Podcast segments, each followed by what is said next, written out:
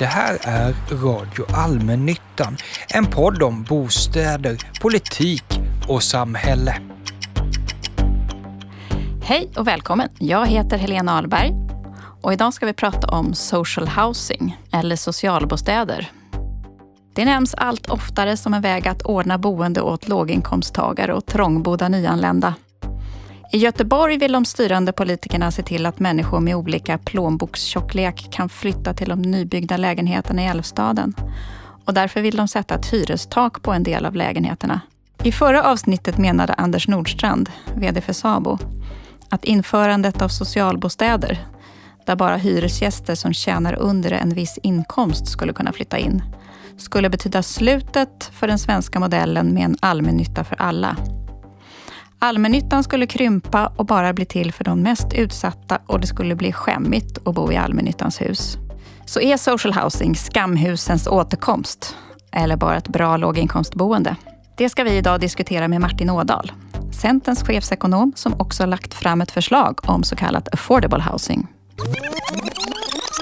Martin Ådahl är chefsekonom och vice partisekreterare hos Centerpartiet. Han har gjort en liten annorlunda resa in mot politiken.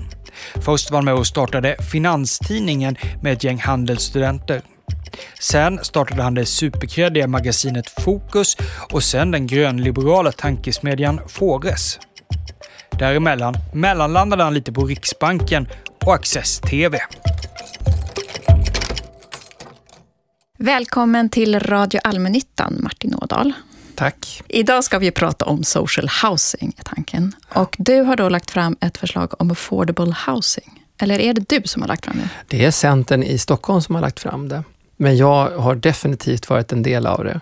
Och eh, den enkla utgångspunkten är ju att det har byggts jättemycket i Stockholm, men det har nästan bara byggts dyra lyxlägenheter.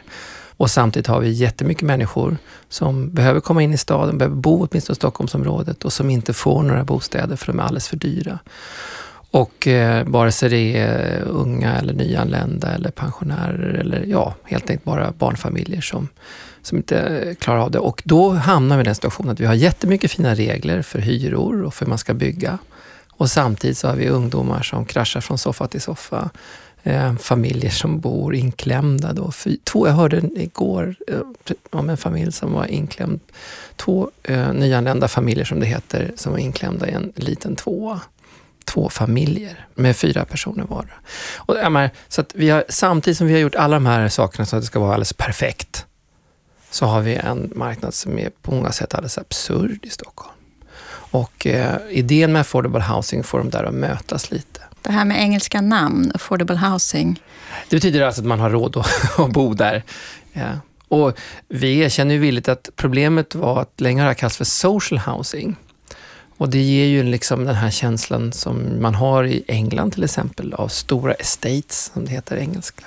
Där folk bor och det bara bor folk som är, som är fattiga. Och då, då, ser, då får man de här grannskapseffekten, det kan vara mycket positivt ändå, men ofta att det är mer arbetslöshet, det är mera problem och då möts alla de samtidigt. Och idén är att istället dela upp det här, och det har vi ju i Stockholm i kubik redan med, med våra så kallade utanförskapsområden.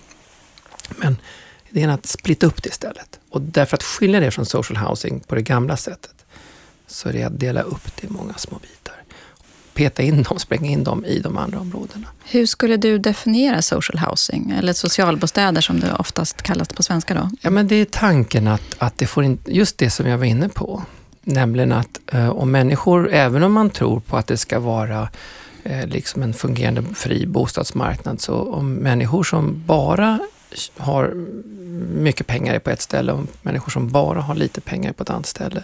Då får man de här tuffa grannskapseffekterna. Men, men vi ska göra på ett annat sätt och då kan vi, vi kallar det affordable housing, göra det på ett smart sätt. Det har ju länge varit eh, ganska fult att prata om social housing. Det är inte ett eh, begrepp som man har slängt sig med på sistone. Men nu är det nästan så att det trendar. Det är fler och fler som får fram social housing på ett eller annat sätt. Varför är det så? Det är två saker. Och det ena är ju den här boomen på byggmarknaden som gör att det byggs jättemycket kombinerat med att ingenting som är billigt av det som byggs i de stora städerna. Och å ena sidan och å andra sidan naturligtvis den här debatten om våra utanförskapsområden och hur folk bor där och så vidare. Att försöka få bryta det här låset. Och sen så kan man också säga att på sätt och vis så hör det ihop också med debatten om att hyresregleringen, mest i Stockholm, inte alls har fungerat. Den liksom bara skyddar de som står i kön eller redan har en sån här tidigt i kön eller redan har en, en, en hyresrätt och medan de som kommer in direkt inte får alls, det hjälper dem inte alls. Vad är social housing för dig? Hur skulle du definiera det? Jag skulle nog vilja hålla fast vid det här. Att det är att öppna upp städer eh, och platser för de som annars inte har möjlighet att vara där. Sen är det ju en grej, och det, det kommer vi in på vår modell för det här. Att reglerna för att bygga och reglerna för hyrorna också har blivit så kontraproduktiva att det inte finns den här typen av bostäder alls i Stockholm. Det är för dyrt att bygga och de som sitter på hyresrätterna lämnar dem inte för de är så förmånliga. Så man kan inte få in flera personer i de jättestora lägenheter vissa sitter på samtidigt som andra tränger in sig jättetrångt för de behöver komma in. Så att då är tanken med, då har det fått en annan dimension också, att vi måste lätta på reglerna för att just det här boendet ska bli billigare så att fler kan komma in. Du kommer säkert att fråga nu härnäst, jag vet inte om det är det som är på gång. Ja, ska de då ha en maxhyra? Ska det vara maxkostnad kanske om man får köpa dem som man inte får sälja vidare som i England, om det är en bostadsrätt? Eller kan man få hjälp att köpa dem? Ja, alla de där modellerna kan man tänka sig. Men det får vara en andel. Det ska inte vara så att det bara generaliserar stora områden. En liten andel på varje område, det är det ena. Och det andra är att då ska man med andra handen ta bort de här reglerna. Det finns ju någonting som heter sociala kontrakt. Mm. Eh, skuld, alltså där socialtjänsten blockhyr lägenheter av till exempel bostadsbolag och hyr ut dem mm. i andra hand mm. till de som inte klarar av att skaffa bostad på mm. egen hand. Skulle du definiera det som social housing? Det skulle man säkert kunna göra, men jag ser ju det mer som en akut åtgärd faktiskt. Social housing är ju något mer långsiktigt egentligen i sin tanke och synnerhet det affordable housing vi talar om, det är ju inte någonting som är till för att lösa de här akutsituationerna som, som du beskriver nu, utan, utan mer för att långsiktigt få en, en bättre tillgång. Och, Sociala kontrakt är ju något som finns redan idag. Och skulle man definiera ja. det som socialbostäder så kan man ju säga att socialbostäder redan finns. Jag förstår din poäng där, men det, men det, det, det är ju som att det är en akutåtgärd. Det är såklart att, att man kan ju säga om vi bara hade haft eh, ett hemvärn i Sverige så hade vi kunnat säga att det var ett försvar. Men, men det hade inte varit samma sak. Och, och det är väl lika likadant här. Det, det är en nödåtgärd som inte riktigt uppnår på lång sikt. Idén är ju att de här nödköpen av bostäder inte ska vara så vanliga och inte ta så mycket plats, därför att vi har ett mycket bättre system i andra änden som öppnar upp mycket bättre. Den modell med affordable housing då, eller åtkomliga lägenheter kallar ni dem Åt, Ja, åtkomliga lägenheter. Eh, skulle då inte vara hela hus eh, med stigmatiseringsrisk då, om jag tolkar det rätt. Ja, utan, i alla fall inte hela områden. Utan det skulle vara lägenheter ja. som sprängs in i eh, här och var, ett trapphus där, ett ja, trapphus Lägenheter eller eh, delar av områden. Man får inte vara för rigid heller. Huvudsaken är att det liksom inte är så att det här är ett jättelitet område där det bara är social house. Det ska, då, ska det finnas någon form av inkomsttak för att få flytta in där? Ja, det är ju hela poängen. Och vem bestämmer takhöjden?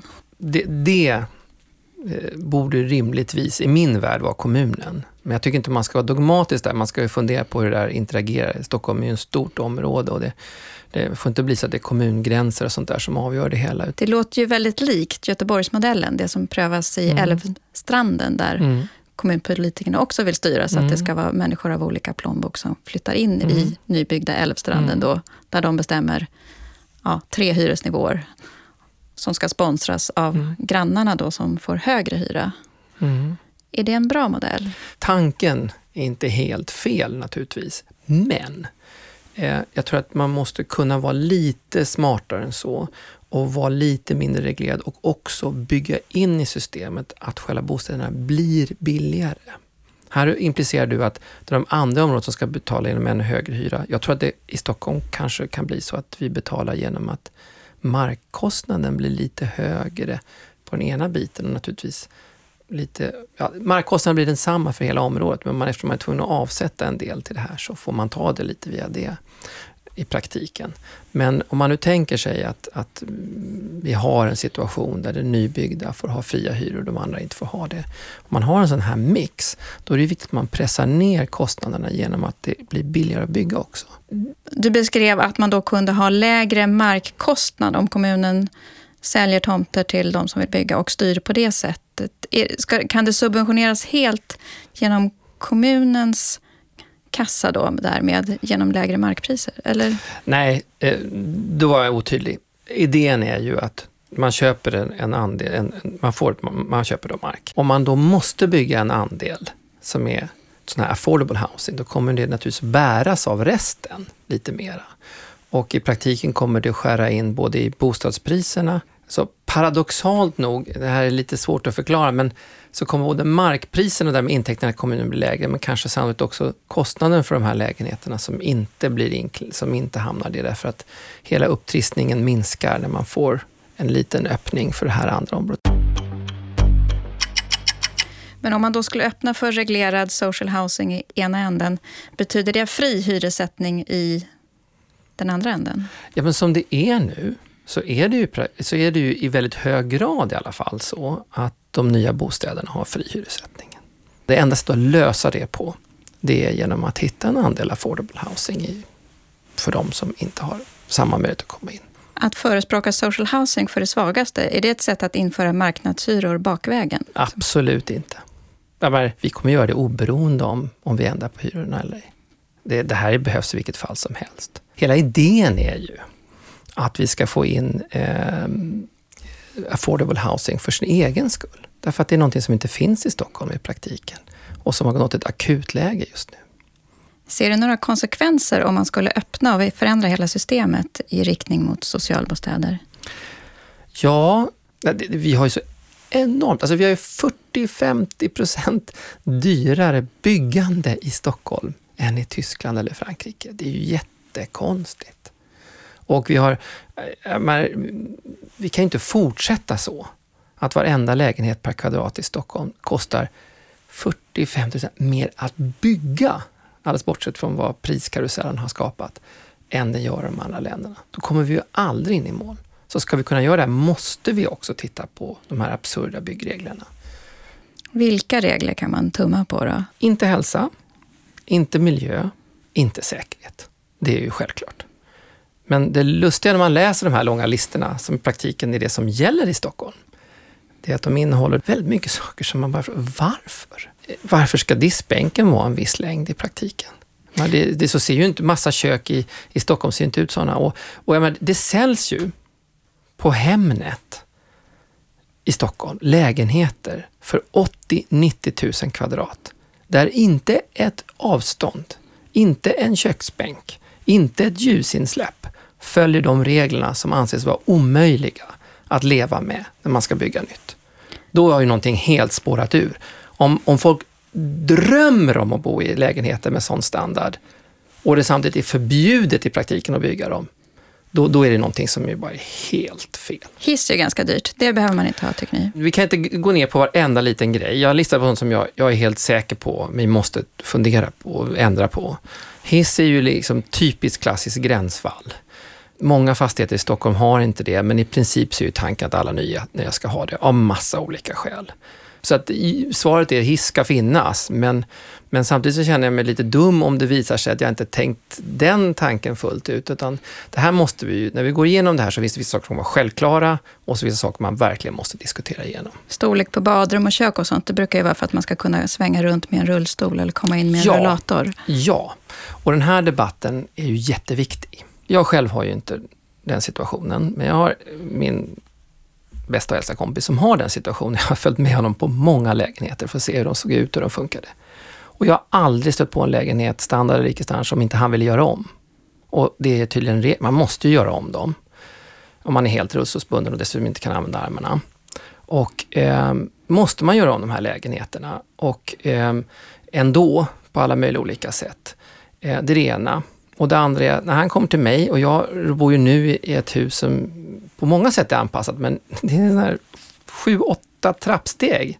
Då måste vi ändå ta med en trappsklättrare varenda gång. Det vet ju alla. För att kunna röra sig i Stockholm hos sina kompisar så måste man ju ha alla de här hjälpmedlen.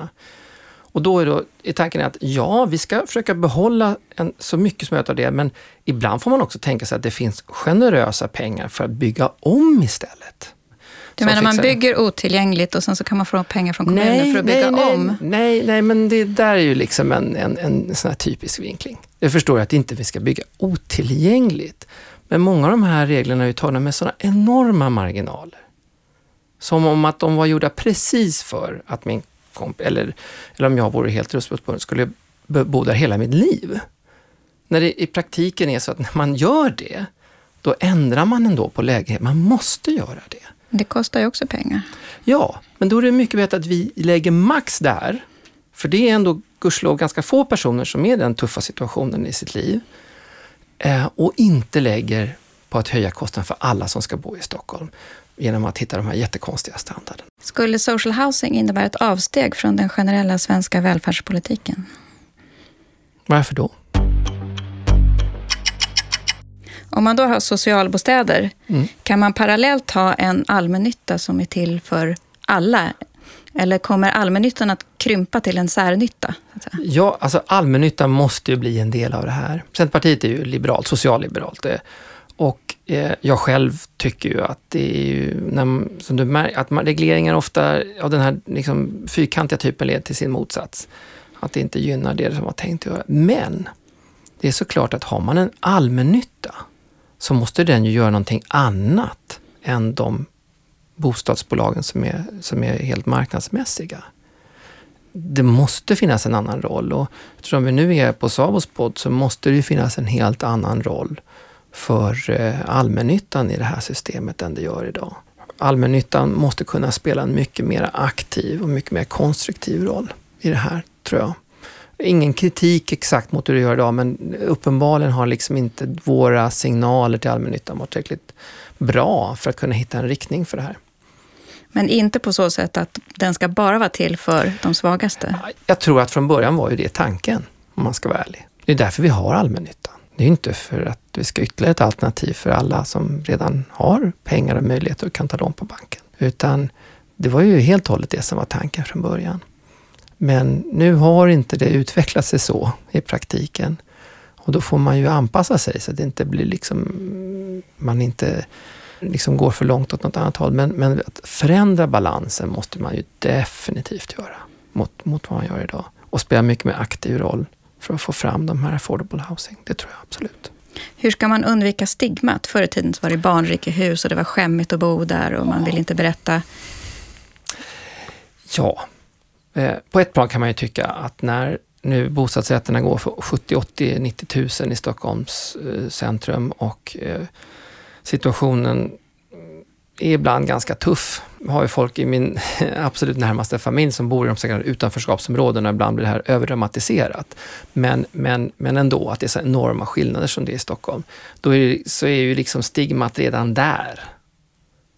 Stigmat finns över hela vår stad. Men, berättar, berättar du för mig, ja men, berättar du för mig att du bor på, på, på, i Vasastan, då tänker alla, mm, om du berättar för mig, ja men jag bor i Rinkeby, då, då kommer du få frågan varför. Så är det idag i Stockholm. Det är jättetråkigt att det är så. Och eh, då, då får vi inte, då, din fråga är, ska vi då, kommer det här bidra till det? Och då, vad jag tänker är, är då att eh, de områdena som man får in i de här utvecklade områdena, där får det inte vara så att det är alldeles liksom, jätteuppenbart alla gånger Ehm, hur, hur man, eh, att det här liksom inte hör hemma eller att det skärs av från resten. Jag tror inte alls att folk kommer uppleva det. Jag tror att folk kommer uppleva det som någonting positivt. Ska det vara kopplat till lägenheten? Om man flyttar in där, man får ändrad inkomst, man gifter sig med någon toppriking. Ah, Blir man av med lägenheten? Ja, jag tycker så här att, att eh, man måste vara pragmatisk. Det måste finnas långa perioder så att inte folk chockas runt i sitt boende. Men samtidigt så kan det ju inte vara så att det ska vara för evigt. Har du gått vidare och kan av egen kraft, då är ju inte idén att man alltid ska bo i affordable housing. Det ska finnas där som ett stöd, men, och det kanske ska vara livet ut i vissa fall, men idén är väl ändå, förhoppningen är väl ändå att livsresan ska vara så bra som möjligt och att man har möjlighet att på ett sätt då gå in i det vanliga boendet med tiden. Det måste ändå vara tanken. Den här situationen du beskriver med att det är ont om lägenheter i Stockholm och det är jättedyrt och det är svårt att få tag på bostäder. Ska man ta det till intäkt för att förändra systemet för hela landet? Är det schysst mot de som bor i Säffle där marknaden kanske fungerar? Ja, men i Säffle är ju inte det här ett problem. Eh, ja, det finns massa problem i Säffle, även när det gäller bostäder ska gudarna veta. Vi har en, av, en mycket framgångsrik kommunalråd där som nu är vår talesperson i riksdagen. Men, så jag vet en del om det. Men icke desto mindre, det är inte de här problemen de har i Säffle. Med 100 000 per kvadrat i nybyggda lägenheter och eh, en enorm tryck på hyresmarknaden som driver upp de hyrorna som är tillgängliga för folk till absurda nivåer medan ingen annan kommer in i bostadskön. Det är inte den problemen man har i Säffle. Så att det här kommer inte att påverka dem i, i grunden. Det, det kommer det inte göra, för de har inte de här problemen. Så om man öppnar för social housing, som i sin tur öppnar för marknadshyra, då blir det bra för alla i hela landet? Mindre styrda hyror. Alltså det är ingen som har sagt att det skulle vara helt fri, eh, fria marknadshyror bara därför. Men, men, men vi är ju den ena extremen internationellt, så då kanske det finns ganska många steg man kan ta i den andra riktningen. Och, och, och, en kombination av att ta bort onödiga regler, så här skulle jag beskriva en kombination att ta bort de verkligen onödiga reglerna och att öppna upp hela bostadsmarknaden i Stockholm i bitar för alla. Det är, det är en mycket bättre lösning för de mest utsatta och för hela Stockholm än att ha det läget vi har idag. Det här är ett förslag för Centern i Stockholm. Kommer det ja. att bli ett förslag för Centern på riksnivå? Men på riksnivå så har ju Centerpartiet föreslagit en mängd olika saker för att göra det lättare att bygga. De här massa olika, vi har ju allt där från den här idén om att man ska kunna bygga likadant i ett område Ungefär som man gör i Tyskland, utan att, att man ska kunna ha utomplan. Alla möjliga olika sätt att bygga billigare än man gör idag. Men att, social housing, kommer det att föreslås från riksnivå? Jag tycker, för närvarande är det ju liksom en story för Stockholmssituationen som är gigantisk. Stockholmsområdet är ju jättestort. Det rör ju två miljoner personer, så det är ju ingen liten del av Sveriges befolkning. Men, men än så länge är det en Stockholmsfråga. Och jag tror inte, jag tror egentligen det här är, och jag tror att varje av de storstäderna kommer väl kanske komma fram till det här av sig själva, men jag, jag tror att man har samma idé, eller jag vet att man har samma idé hos oss i Malmö i Centerpartiet där och jag tror att man kommer att komma fram till liknande idé även i Göteborg. Så jag tror att på stor, från storstäderna så har vi ungefär samma tanke, tror jag. Vad har du för prognos? Tror du att de andra partierna kommer att svänga i riktning mot pro-social housing? Ja, eller affordable housing. Jag tror ingen kommer att köpa det gamla social housing-konceptet. Ja, det tror jag. Det tror jag. Det här är ju liksom en sån här klassisk fråga där man efter många, många decennier har insett att ja, vi är liksom i vägs ände. Så här kan det ju inte fortsätta. Så då kommer jag tror att många av de andra partierna, för närvarande finns det ju en väldig vilja, tyvärr, från vänstersidan att göra det här till lite sån här laddad polemik istället. För att säga, okej, okay, jaha, Centern har sagt någonting här, kanske man kan göra någonting av. Utan man kör sina vanliga spår. Det ska vara jättelika bostadssubventioner och det ska vara de här speciala områdena och man har sina... Jag tycker så här, låt, vi har lyssnat på andra, inklusive andra länder, inte nödvändigtvis exakt samma politiska färg som oss, hittat de här smarta, pragmatiska lösningarna. Eh, jag hoppas att de andra partierna kan göra samma sak. Tack för att du kom Tack. till Radio Allmännyttan. Tack så hemskt mycket.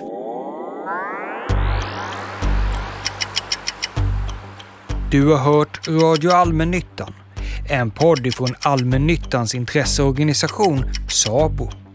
Den spelas in hos produktionsbolaget Filt Hinterland.